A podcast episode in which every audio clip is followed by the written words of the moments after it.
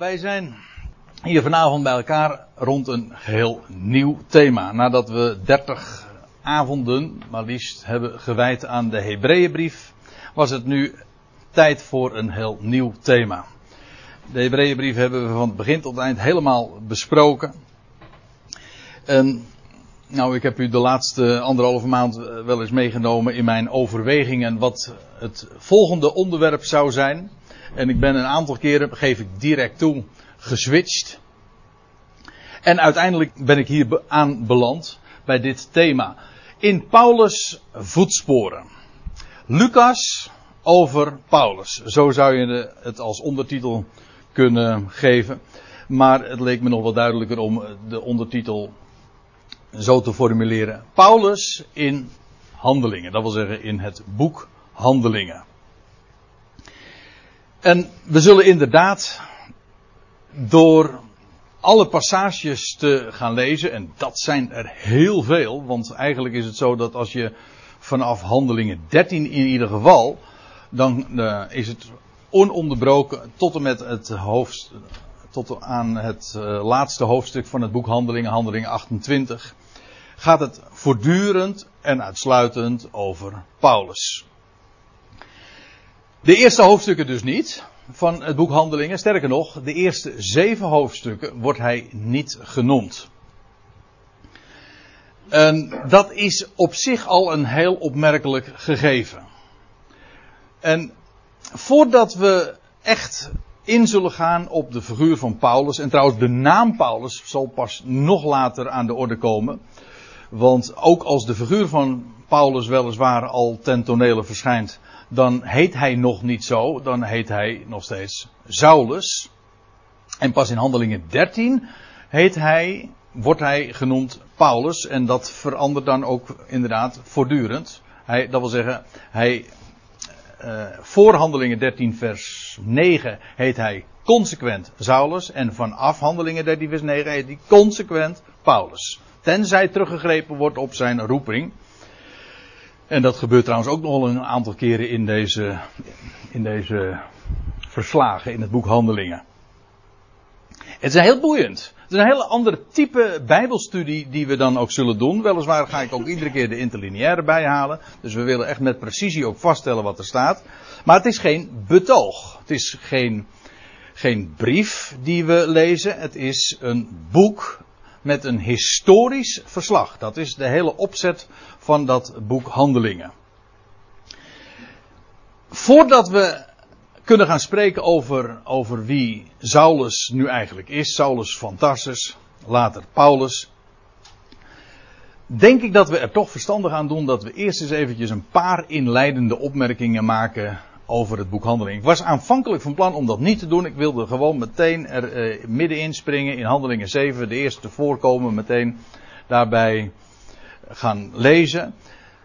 En ik heb daar toch van afgezien. Ik denk dat het goed is, voordat we in Handelingen 7 arriveren, dat we eerst even weten, waar gaat het nou eigenlijk over in het boek Handelingen?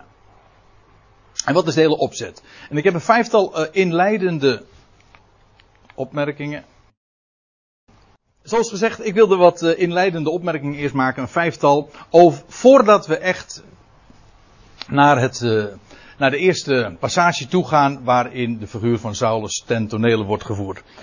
De eerste opmerking die ik wil maken is deze. Handelingen, nou dat is echt inleidend. Handelingen is het tweede boek van Lucas en een vervolg op zijn evangelie. Dat blijkt meteen al in hoofdstuk 1 vers 1. Daar lees je dat Lucas dit schrijft. Doet hij het meteen.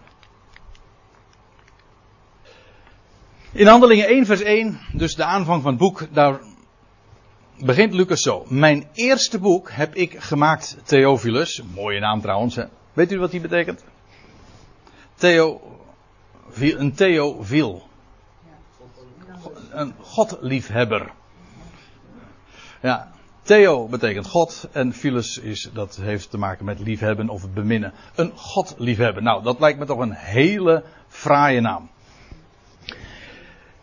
En aan hem is dit boek opgedragen en dat verwijst meteen weer dus naar het Lucas-evangelie. Want wat lezen we daar in Lucas 1? Laten we dat dan ook meteen even eh, bij betrekken. Want dit is gewoon dus deel 2 van Lucas. Wij noemen het het boek Handelingen. Maar we hadden het dus met het evenveel recht 2 Lucas kunnen noemen. Zoals we ook over 1 Korinthe en 2 Korinthe spreken. En over 1 koningen en 2 koningen. Dit is dus eigenlijk 2 Lucas. Deel 2 namelijk van het boek van het verslag van Lucas. En let dan eens op, zoals Lucas zijn evangelie aanvangt. Zijn eerste boek dus. Dan zegt hij dit. En dan zie je ook meteen hoezeer dit boek. Dat geldt trouwens van alle evangelieën, maar in het Lucas-evangelie komt dat wel heel duidelijk naar voren. Dat dat door en door geschiedkundig en historisch is. Hij schrijft dit. Aangezien velen getracht hebben een verhaal op te stellen over de zaken die onder ons hun beslag hebben gekregen. U ziet, velen, dus dat is door, maar niet zomaar een paar mensen al eerder gebeurd, maar door ve velen hebben dat al ge, een poging gedaan om dat op schrift te stellen. En een aantal daarvan hebben we natuurlijk in het Nieuwe Testament, Matthäus, Marcus, Johannes Evangelie. Maar hier schrijft hij, dan vervolgens in, ik sla één vers over en zegt hij in vers 4, pardon, vers 3, ben ook ik, Lucas, tot het besluit gekomen, na alles van meet aan nauwkeurig te hebben nagegaan, dit in geregelde orde voor u te boek te stellen. Hoog edele Theophilus. Kennelijk was het een hoog geplaatst uh, iemand, de wijze waarop hij wordt aangesproken. En aan hem wordt dit boek opgedragen. En als je het uh, opvat als een persoonsnaam, en dat doe ik, dan is dat heel duidelijk. Maar als je het even breder opvat, namelijk het is geschreven aan elke liefhebber van God. En dan horen wij er ineens ook bij. Tenminste, daar ga ik dan even gemakshalve vanuit. Aan elke liefhebber van God om dit zo, dit verslag, tot je te nemen. En hij heeft dat alles, Lucas zelf, hij is zelf geen ooggetuige, maar hij heeft alles van, van meet af aan nauwkeurig, op een nauwkeurige wijze uh, en opeenvolgend, in geregelde orde, heeft hij dat allemaal geboekstaafd. Opdat gij, stijgt hij dan er nog bij, opdat gij, Theophilus, de betrouwbaarheid of de zekerheid, ziet u, zou erkennen, beseffen. Hier staat het woordje epignosis. Dat is wat meer dan kennis, dat is wat daar bovenuit gaat. Beseffen. Opdat je zou beseffen de zekerheid van die zaken, van die dingen waarover je al onderricht hebt ontvangen. Dus Theophilus was niet onbekend met deze dingen, maar nu kreeg hij het allemaal te horen van iemand die dat allemaal heeft uitgeplozen. Geen ooggetuige, maar hij heeft het allemaal gecheckt. Hij heeft het nagegaan, hij heeft ondervraagd, gelezen. Kortom, zo is dit evangelie, dit eerste boek, maar ook het tweede boek, tot stand gekomen. En ook met dit oogmerk. Het is historie geschiedenis. Ik vind dat buitengewoon belangrijk om dat ook zo vast te stellen. En dat karakteriseert dan ook uiteraard daarmee tevens de Bijbelstudies die we nou in het vervolg gaan houden. En ik weet niet hoe lang dat gaat duren, maar ik denk dat we nog wel even bezig zijn. Maar het is zo ontzettend boeiend. Daar ben ik inmiddels wel achter gekomen en dat kan ook niet missen om dan inderdaad dat allemaal te gaan traceren. Wat beschrijft Lucas? Nou ja, wij gaan ons dan echt specifiek focussen op Paulus. En dan gaan we echt in zijn voetsporen treden. En dan gaan we ook reizen maken. Ja, we, gaan met hem mee als hij op zee is. En letterlijk, we gaan ook ten onder bij gelegenheid nog een keer. Dan, als je, ja, je meereist, dan, dan maak je ook die schipbreuk mee natuurlijk. Nou ja, al die dingen die uh, Lucas over hem beschrijft, en we weten van Lucas. Kijk, van, van Lucas weten we eigenlijk zelf niet zo gek veel. Hij wordt een paar keer genoemd in de brieven. Hij wordt met grote achting door Paulus genoemd. Onze hij spreekt hem aan in, Luca, in de Colossensebrief. Nou, hij spreekt hem niet zozeer aan, maar hij spreekt over hem in Colossense 4 over onze geliefde geneesheer, Lucas. En in zijn laatste brief, in de, zijn geestelijk testament, de tweede Timotheusbrief, dan zegt hij, Lucas is nog bij me. Nou, we weten, Lucas heeft heel veel gereisd met Paulus. Dat zal vanzelf ook nog wel blijken in het boek Handelingen. Maar hij, tot het eind aan toe is Lucas bij Paulus gebleven. Dat is heel bijzonder. Dus als er één ook is die veel over Paulus kan melden en alles wat hij heeft ondervonden, heeft meegemaakt en gedaan en ook gepredikt, dan is het Lucas wel. Deze getrouwe metgezel. Dus dat is het eerste. Het is het tweede boek van Lucas, een vervolg op zijn evangelie. En dan wil ik op nog iets wijzen, en dat is het boek Handelingen beschrijft de voortzetting van Jezus' missie. Dat blijkt ook meteen uit het eerste vers van het boek Handelingen. Kijk, we lazen zojuist het eerste zinsdeel. Als, als Lucas schrijft: Mijn eerste boek heb ik gemaakt, Theophilus. Dat is het Evangelie naar Lucas. Maar dit is dus zijn tweede boek. En waarom een tweede boek? Nou, omdat het eerste boek ging over al wat Jezus begonnen is te doen en te leren. En let op de wijze waarop dit geformuleerd wordt. Het loutere feit dat Lucas dit zo formuleert, geeft aan dat dit tweede boek ook gaat over wat Jezus allemaal gedaan heeft aan de hand. Laat ik het nog anders zeggen. Het tweede boek dat beschrijft de voortzetting van Jezus handelen. Het eerste boek gaat over wat Jezus begonnen is te doen. En nu, het boek Handelingen beschrijft net zo goed de handelingen van Jezus Christus. Maar dan met recht, letterlijk, figuurlijk, hoe je het maar hebben wil, op een hoger niveau. En, en ik weet, het boek Handelingen heeft uh, de naam van de Handelingen der Apostelen. Maar als je het zo vanuit het eerste vers van, het, van Lucas' eigen verslag bekijkt, dan zou je dus eigenlijk moeten zeggen de handelingen van Jezus Christus. Namelijk de voortzetting daarvan. Het eerste ging over wat Jezus begonnen is te doen. Het tweede boek, Handelingen, gaat over wat Jezus vervolgens allemaal heeft gedaan en in feite ook geleerd. Inderdaad, door middel van de apostelen. Ik heb geen kritiek op de, de naam die het doorgaans uh, gegeven wordt.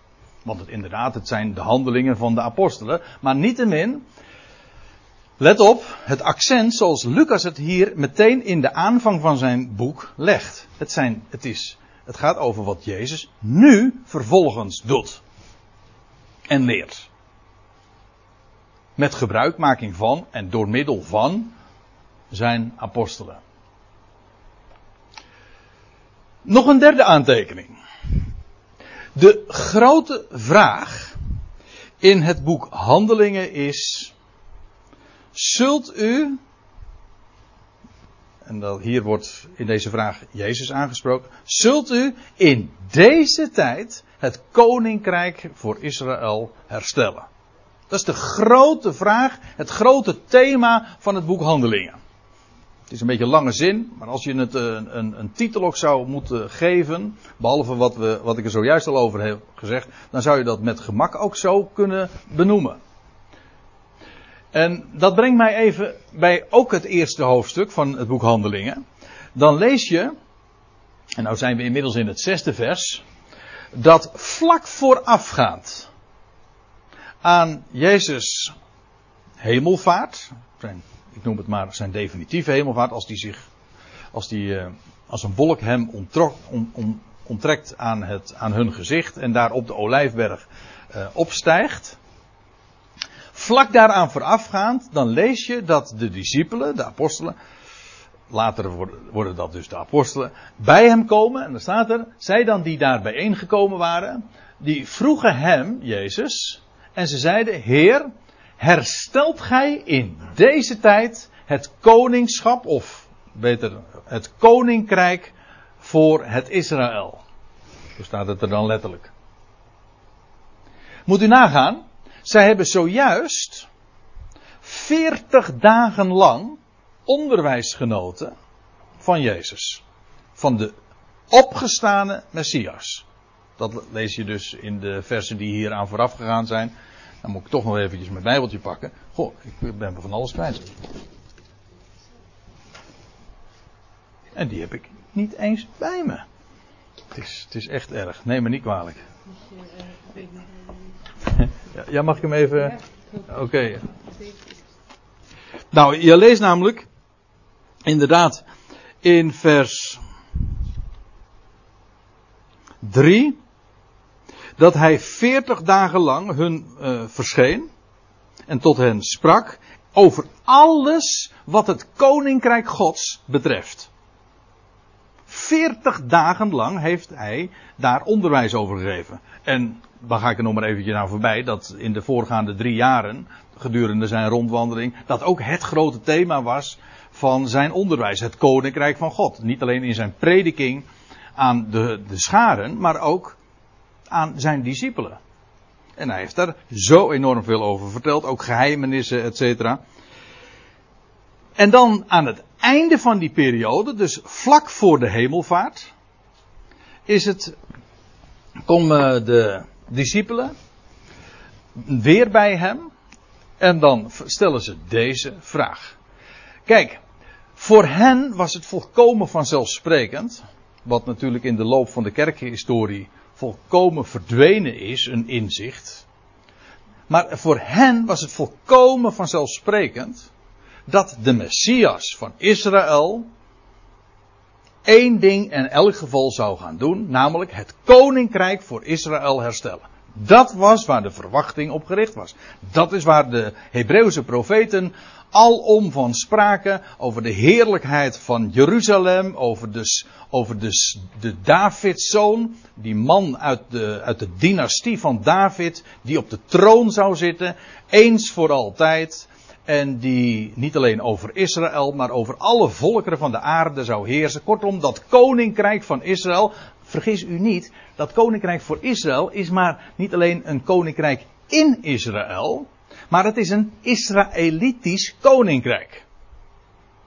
Kijk, we hebben, een, we hebben in, de, in het verleden, we, nou, de Bijbel schrijft erover, het boek Daniel, een Babylonisch wereldrijk gehad. We hebben een Medo-Persisch wereldrijk gehad. We hebben een Grieks wereldrijk gehad. Een Romeins wereldrijk. Maar het laatste, definitief, definitieve wereldrijk, zal een Israëlitisch koninkrijk zijn. Een koninkrijk geregeerd vanuit Israël. Van Jeruzalem zal de wet uitgaan en des Heren woord uit Sion. Zo, zeggen, zo spreken ja, Jezaja en Micha, nou, en noem ze allemaal maar op.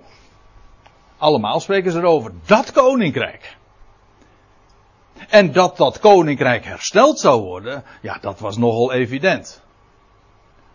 Kijk, ik zei al, in de kerkgeschiedenis is dat inzicht compleet verdwenen, omdat de kerk zich al heel vroeg in de, in de geschiedenis zich het Israël ging wanen.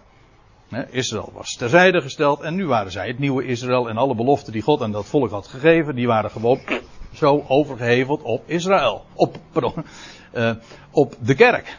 De kerk is Israël. Het geestelijk Israël, of uh, hoe men dat dan ook maar formuleerde. Maar die discipelen, die hadden echt een oer, ja, Joods, Messiaanse verwachting.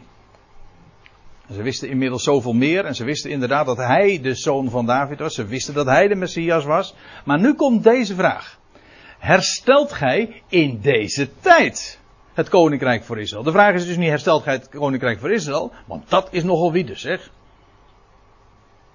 Als, je, als, als dat nog een vraag is, ja, dan, heb je, dan ben je zelfs nog niet eens toegekomen aan het ABC van de hele Bijbelse profetie.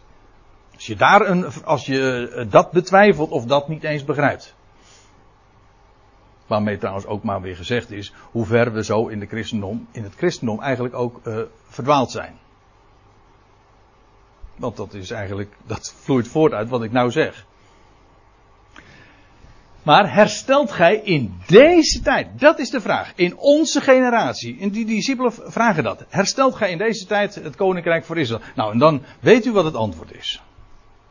Nou, is het antwoord nou ja of nee? Nou, het is een, inderdaad een heel omzichtig antwoord. Er wordt namelijk geen direct antwoord. Er wordt geen antwoord gegeven. Met andere woorden, de vraag blijft staan. De Heer zegt van, eh, het komt, het, het komt u niet toe te weten. Zij mochten het nog niet weten, de tijden en gelegenheden. En Uh, dan wordt er nog uh, bijgezegd, ik lees het maar even voor. Het is niet uw zaak de tijden, vers 7 van handeling 1, het is niet uw zaak de tijden of gelegenheden te weten waarover de Vader dus beschikking aan zich gehouden heeft. Maar jullie zullen kracht ontvangen. En wanneer de Heilige Geest over u komt, als een, als een stortregen, nou dat zou inderdaad tien dagen later plaatsvinden. En, en gij zult mijn getuigen zijn. Ik, lees het eerste gij zult, net zoals het tweede gij zult. Het eerste gij zult kracht ontvangen is een belofte.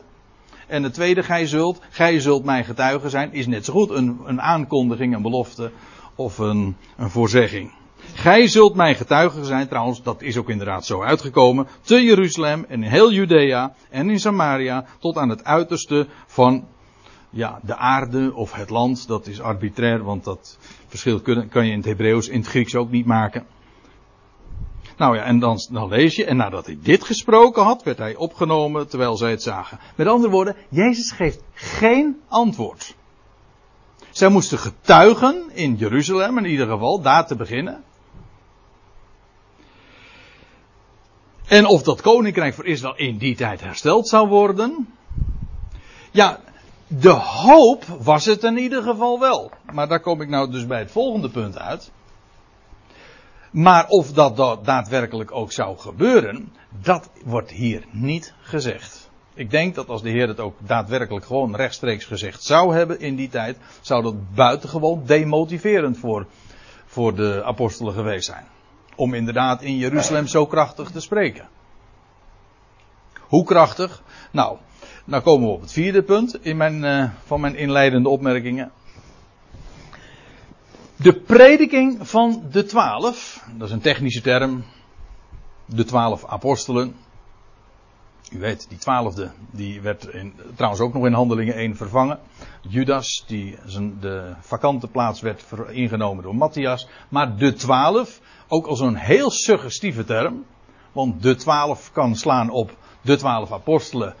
Maar als je het uh, met oud-testamentische oren zeg maar beluistert, dan denk je aan de twaalf. Natuurlijk aan de twaalf. Ja, zonen van Jacob. Maar daarmee dus ook aan de twaalf stammen van Israël, want dat is eigenlijk hetzelfde. Maar goed, de prediking van de twaalf is gericht op Israël. Ja, dat is dan nogal logisch. Maar is gericht op Israëls bekering. En daarmee ook de terugkeer van Christus, de Messias. Ook dat is een heel belangrijk punt in het boek Handelingen. En er is geen passage waar dat zo expliciet en duidelijk gezegd wordt als in Handelingen 3. Dan zijn we dus nog steeds in Jeruzalem. Want de, de twaalf die waren zeer honkvast. We zullen dat later vanavond trouwens ook nog wel zien. Zelfs als de anderen naar Judea en Samaria gaan, bleven die twaalf in Jeruzalem. En sommige mensen denken dat dat ongehoorzaamheid was, maar ik denk dat juist gehoorzaamheid was. En ze ook in de wetenschap, in Jeruzalem moet het gaan gebeuren. Ik, ik, ga, u, uh, ik ga even mee naar handelingen. Ik ga even naar handelingen 3. En ik neem u even mee daar. Ik laat dat zien ook op deze dia. Uh, om ik ook weer even de context bijgeven. Daar was een verlamde man. Die zat in de schone poort. En die was uh, rond de 40 jaar lees je. En die werd door uh, Petrus en Johannes genezen. En als ik het zo zeg, dan zeg ik het eigenlijk helemaal niet goed. Want wat er echt gebeurde is dat die dat Petrus en Jacobus, uh, pardon, Petrus en Johannes, als ze daar in die schone poort zijn en ze zijn op de, ze gaan dan in het uur van het gebed gaan ze op weg naar de tempel en dan zien ze die man en dan zeggen ze, nou, zilver en goud heb ik niet, maar, en dan, zegt dan lees je dat Petrus hem scherp aanziet, maar wat ik u, maar wat ik heb, dat geef ik u, in de naam van Jezus, de Nazoreër, sta op en wandel. En meteen hij staat niet op, hij springt op, lees je. En hij, hij, springt zo, uh, hoe staat het? Springen, dansend zo de tempel in. En naar aanleiding daarvan ontstaat er een hele volksoploop. van die man die daar altijd al zat aan die bij de schone poort. Ik vind het allemaal zo heel typologisch. Hè? Die man die zit daar bij de schone poort. Geweldig uitzicht op de tempel. Met een schoon uitzicht. Ja, en die man die geneest daar. Waarom? Omdat hij geloofde ook in de Messias. Nou, en naar aanleiding daarvan ontstaat, zoals gezegd, een hele volksoploop. En dan lees je dat Petrus uh, het in Handelingen 3, vers 9 lees je dan. En al het volk zag hem lopen en God loven. En men herkende hem als degene die om een aalmoes gezeten had aan de schone poort van de tempel. En ze werden met, met verbazing en ontzetting vervuld over wat met hem gebeurd was. Nou, en toen Petrus en Johannes, uh, toen die Petrus en Johannes vasthield, liep al het volk rondom hem te hoop. Nou, en dan lees je dat Petrus dat ziet en die gaat dan vervolgens hen aanspreken. Die, dat hele volk wat daar dus op die tempelberg is samengedromd. En dan zegt hij, mannen van Israël. Zo worden ze dus aangesproken. Logischerwijs, want dat waren allemaal Israëlieten. Mannen van Israël, wat verwondert gij u hierover? Of wat staart gij ons aan alsof wij door eigen kracht of godsvrucht deze hadden doen lopen? Dus het was helemaal geen genezingswonder van Petrus en Johannes. Sorry dat ik het nou weer fout zeg. Het was geen genezingswonder van hen. Nee. Wij, hij zegt, het is niet door eigen kracht of godsvrucht. De God van Abraham, Isaac en Jacob, aan wie God zijn belofte had gegeven. De God van onze vaderen heeft zijn knecht Jezus verheerlijkt. Die gij overgeleverd en verloochend hebt. Ten overstaan van, eh, van Pilatus. Nou, en naar aanleiding eh, daarvan, het gaat nog eventjes verder. Zegt hij, die man die geloofde is compleet hersteld. Daar, met dat geweldige, bij die schone poort, met dat geweldige uitzicht. En dat is precies ook de boodschap aan jullie, mannen van Israël. En zie op hem, waar die man die verlamd was, die niks kon, maar die door Gods genade dit inderdaad overkwam. Dit wonder van herstel, wat die man overkwam, dat zou Israël, ook een verlamd volk. Maar dat zou Israël overkomen. Dat wil zeggen, ze zouden ook hersteld worden. Dat is wat Petrus die mannen van Israël voorhoudt naar aanleiding van dat wonder. En dan zegt hij, en nou kom ik bij vers 19 uh, eh, uit. Dat is de conclusie. Kom dan tot berouw en bekering. Of bezin je, metanoia. Ga compleet omdenken. Nu, nu je deze dingen weet, kom tot bezinning. Ik, meta, dat woordje berouw. Nou, berouw is, eh, is, heeft heel erg sterk te maken met, met, uh, met spijt en met de emotie. Terwijl dit woordje metanoia, noia is juist denken. Het heeft te maken met een compleet verandering van denken. Wellicht dat het, het woord bezinnen dat nog het meest uitdrukt in het Nederlands. In ieder geval, bezin je, keer je om. Dat is echt wat bekering is. Dit wordt tegen de mannen van Israël gezegd. En er staat erbij: kom tot berouw of tot bezinning en bekering, opdat uw zonden uitgedelgd worden, uitgewist worden, opdat er tijden van verademing mogen komen van het aangezicht van de Heer. Hier wordt dus iets aan Israël toegezegd. Zoals die man zat bij de schone poort. En door de poort nu springend en dansend naar binnen ging. Wel, zo zat Israël nu ook bij die poort. Ook met een geweldig uitzicht. En als zij hetzelfde zouden doen als dat die man, namelijk opzien naar boven, dan zou dit wonder gebeuren. Dan zouden er tijden van verademing, perioden van verfrissing, staat hier in de interlineair, aanbreken. Tijden van verademing van het aangezicht van de Heer. Dus Israëls bekering zou leiden tot een geweldige heilstijd. Tijden van verademing. En dan staat er nog bij, en hij, God, de Christus, de Messias, de gezalfde, die voor u, Israël, tevoren bestemd was. Jezus, want wie anders is die Messias dan inderdaad Jezus. die zou worden gezonden. Dus even de hele zin. De gedachte is dus, als jullie komen tot bezinning en bekering, en jullie doen exact hetzelfde als wat die verlamde man deed, namelijk opzien naar boven en hem aanroepen, wel, dan zullen deze tijden aanbreken en dat niet alleen, maar dan zal de Christus, die voor jullie Israël tevoren bestemd was, die zal worden gezonden. Namelijk Jezus zelf. En dan staat er nog bij, hem moest, het was bindend, hem moest de hemel opnemen. Dat wil zeggen, hij is nu daarboven, maar, en dat moest ook zo gebeuren, want dat is ook volgens uh, de, het profetisch woord. Daar had, daar Petrus trouwens in Handelingen 2 al over gesproken. Dat, dat de Messias verhoogd zou worden aan Gods rechterhand en daar zitting zou nemen. Hem moest de hemel opnemen, maar met een totdat. Tot de tijden van de wederoprichting van alle dingen. Ook hier ziet u hier, de tijden van de wederoprichting van het herstel. Wat die man had meegemaakt, was ook een, een compleet herstel apokatastasis. Zegt u dat wat, die, die term? Ja, ik, ik, zeg dat nou niet om eh, nou zo eh, geleerd te doen door een Griekse term er doorheen te gooien hoor. Maar de, degenen die een klein beetje op de hoogte zijn van, uh, van theologie, die weten dat je hebt de leer van de apokatastasis. En de leer van de apokatastasis, dat is de theologische aanduiding van dat alle mensen gered worden. En dat is ontleend aan, dit, aan deze term. De, de alver, alverzoening. Ja, maar dat heet in de theologie de leer van de apokatastasis. Wat een enorme verwarring is, als het mij vraagt.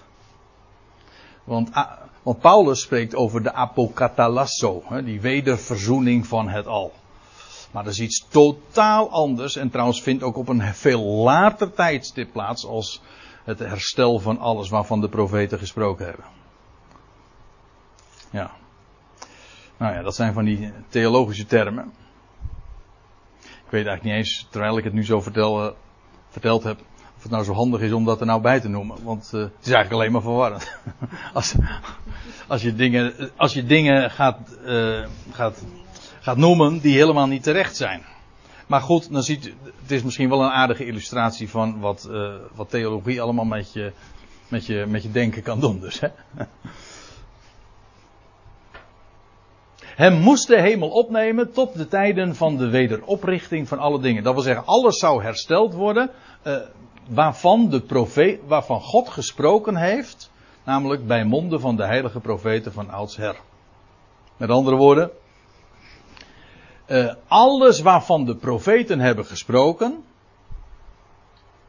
dat zal hersteld worden. Dat wil zeggen, zal, worden, zal uh, opgericht worden. De profeten die hebben gesproken over Israël, over Jeruzalem en over, nou ja, over al die landen daar ook omheen en die volkeren en steden. En alles zou weer op de kaart gezet worden en hersteld worden.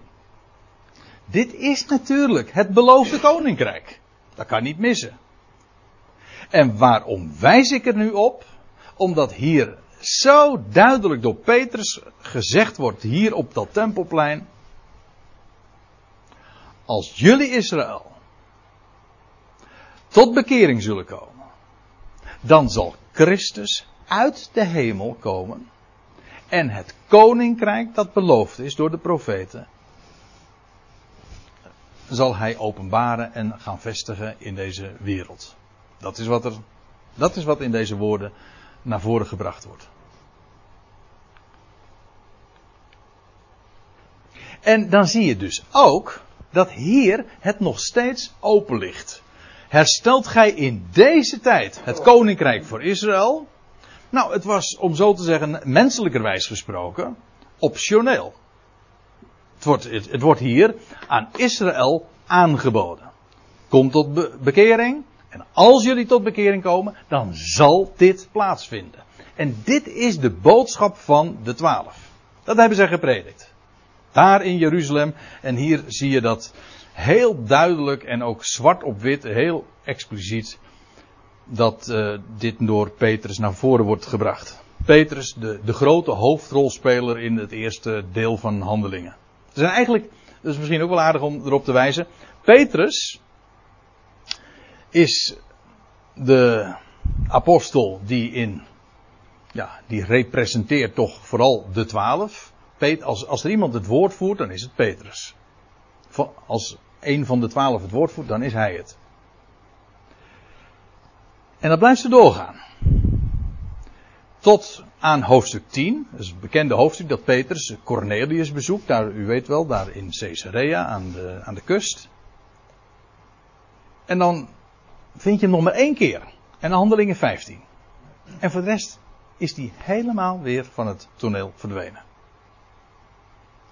En dan is het vervolgens Paulus. Die de grote hoofdrolspeler is. En die eigenlijk al veel eerder in het boek naar voren komt. En Handelingen 7, daar wordt Paulus voor het eerst genoemd. En dat stokje neemt hij echt helemaal over in uh, halverwege. Uh, nou, hoe zal ik het zeggen? Handelingen 13, 14, 15. Dus eerst is het Petrus. En de rol van Petrus wordt vervolgens overgenomen door Paulus. En dan heb ik nog één uh, opmerking. En dat is echt een inleiding op. Uh, op waar we terecht moesten komen, namelijk Handelingen 7, waar Paulus voor het eerst genoemd wordt. Handelingen 7, dat is een anticlimax. Ook een dieptepunt, een uitgesproken crisis in het boek Handelingen. Het is echt het dieptepunt van het boek Handelingen. En ik zeg het expres er ook bij. Niet alleen omdat dat historisch klopt, lees het maar na. Handelingen 7 is een dieptepunt.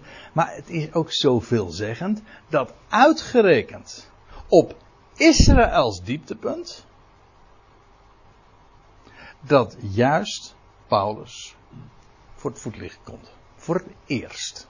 Dat is heel veelzeggend. En ik moest deze inleiding eerst ook houden, vond ik zelf. Om ook te laten zien dat het betekenis heeft dat eerst de twaalf hun boodschap spreken, met name dan bij monden van, Paul, van Petrus.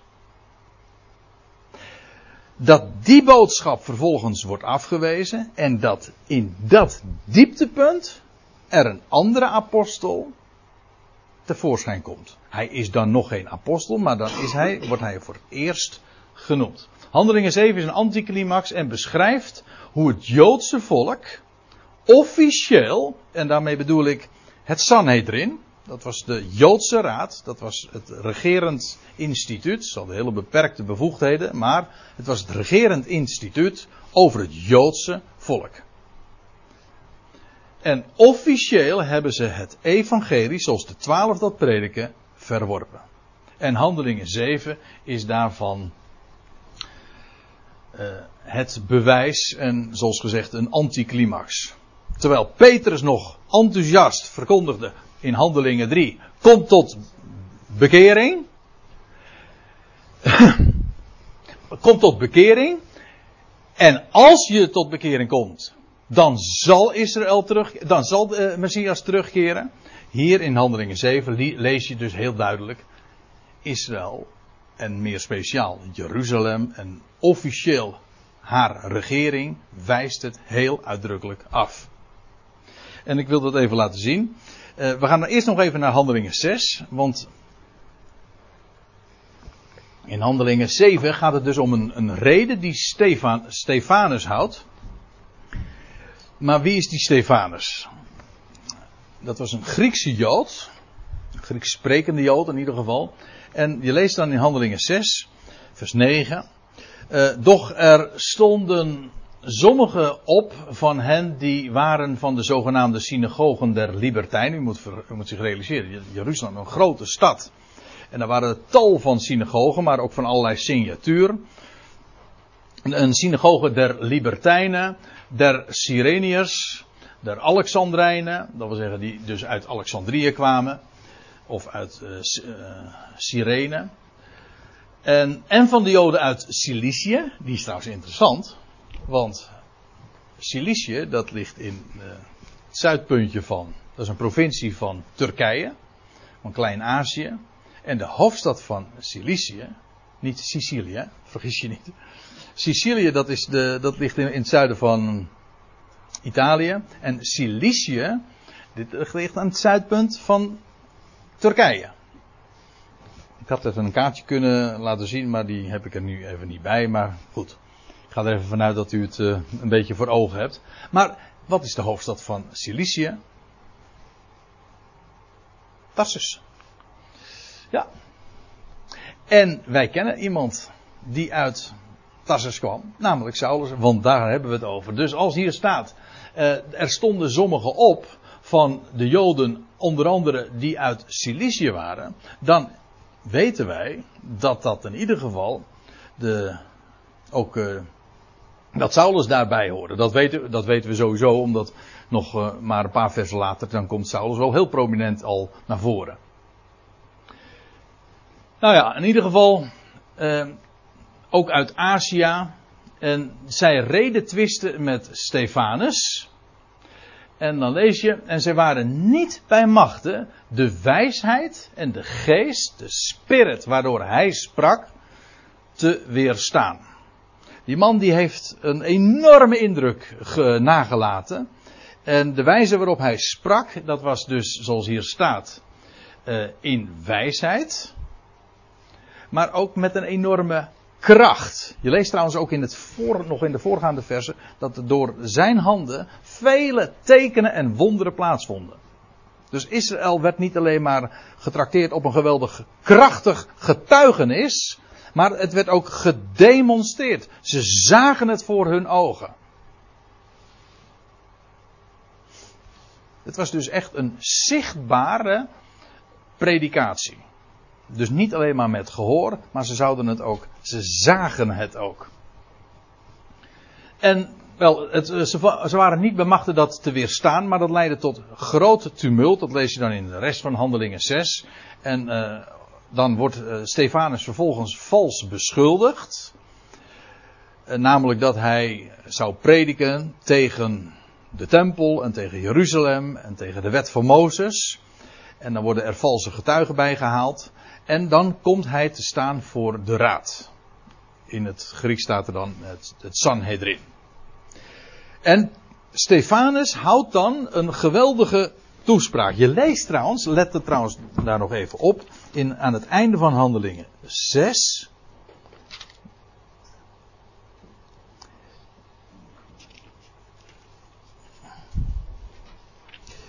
Um, nadat ze de beschuldiging hebben geuit, dan lees je.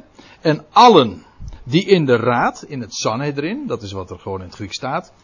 Ik geloof de Statenvertaling heeft het ook zo, klopt dat? Ja. En alle die in het Sanhedrin zat, zitting hadden, zagen toen zij hem, Stefanus, aanstaarden, zijn gelaat als het gelaat van een engel. Die man die heeft daar gewoon dus echt staan stralen. Ik stel me dat ook echt fysiek zo voor. Zij allen zagen dat. En dan uh, gaat Stefanus een toespraak houden, een lange toespraak, en je vindt hem in Handelingen 7. En wat Stefanus dan doet, moet ik er ook nog even bij zeggen, dan wijst hij erop dat Abraham ooit al werd geroepen om zijn familie te verlaten. En al die dingen, al die zeven punten die Stefanus naar voren brengt in zijn toespraak, zijn heel veelzeggend. Hij doet dat ook om Israël aan te spreken. Of het Joodse volk daarmee aan te klagen en daarmee ook aan te geven. Het is wat er nu gebeurt. Dat is wat Stefanus zegt. Wat er nu gebeurt. Later trekt hij dat trouwens ook echt als conclusie. Het is in het verleden nooit anders geweest. Abraham werd geroepen om zijn familie te verlaten. Dat wil zeggen, moest ook al niet luisteren naar zijn eigen, naar zijn eigen familiebanden. Hij moest dat loslaten. En dan krijg je in vers 9 tot 19, er wordt, een, uh, wordt breed uitgemeten, hoe Jozef werd verworpen door zijn broers.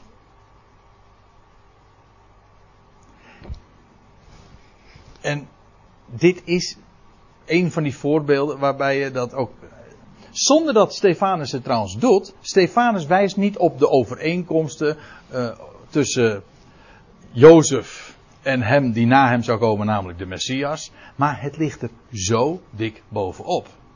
Namelijk zoals de broers Jozef verwierpen.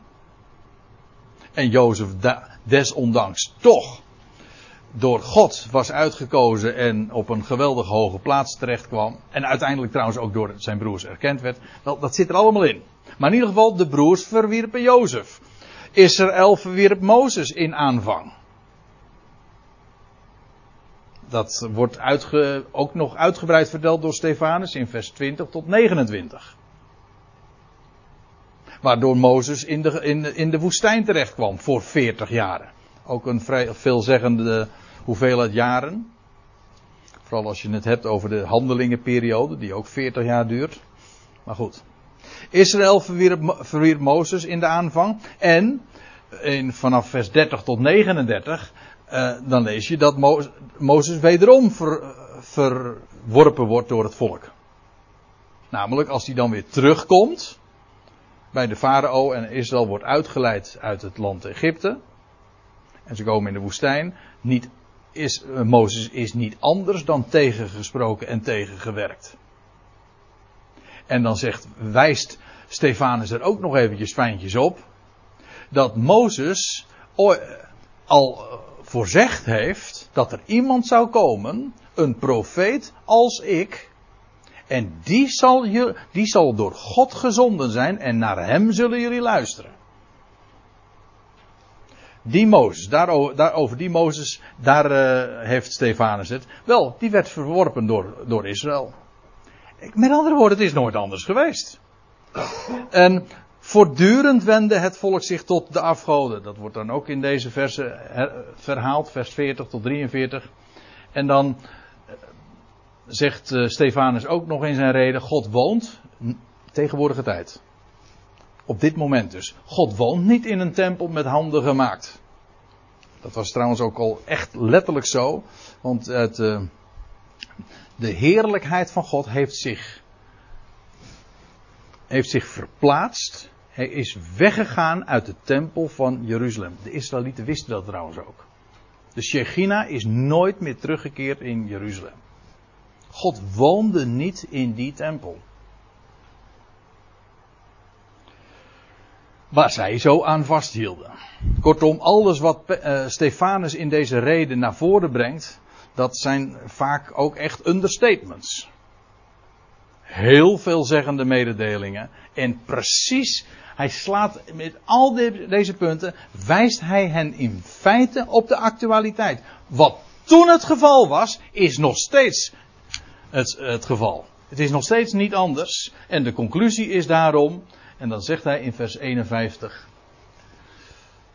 Nou, ik denk voordat we nu hiermee verder gaan, dat we wellicht eerst even beter kunnen pauzeren en dan ga ik straks inderdaad de draad oppakken bij deze conclusie die Stefanus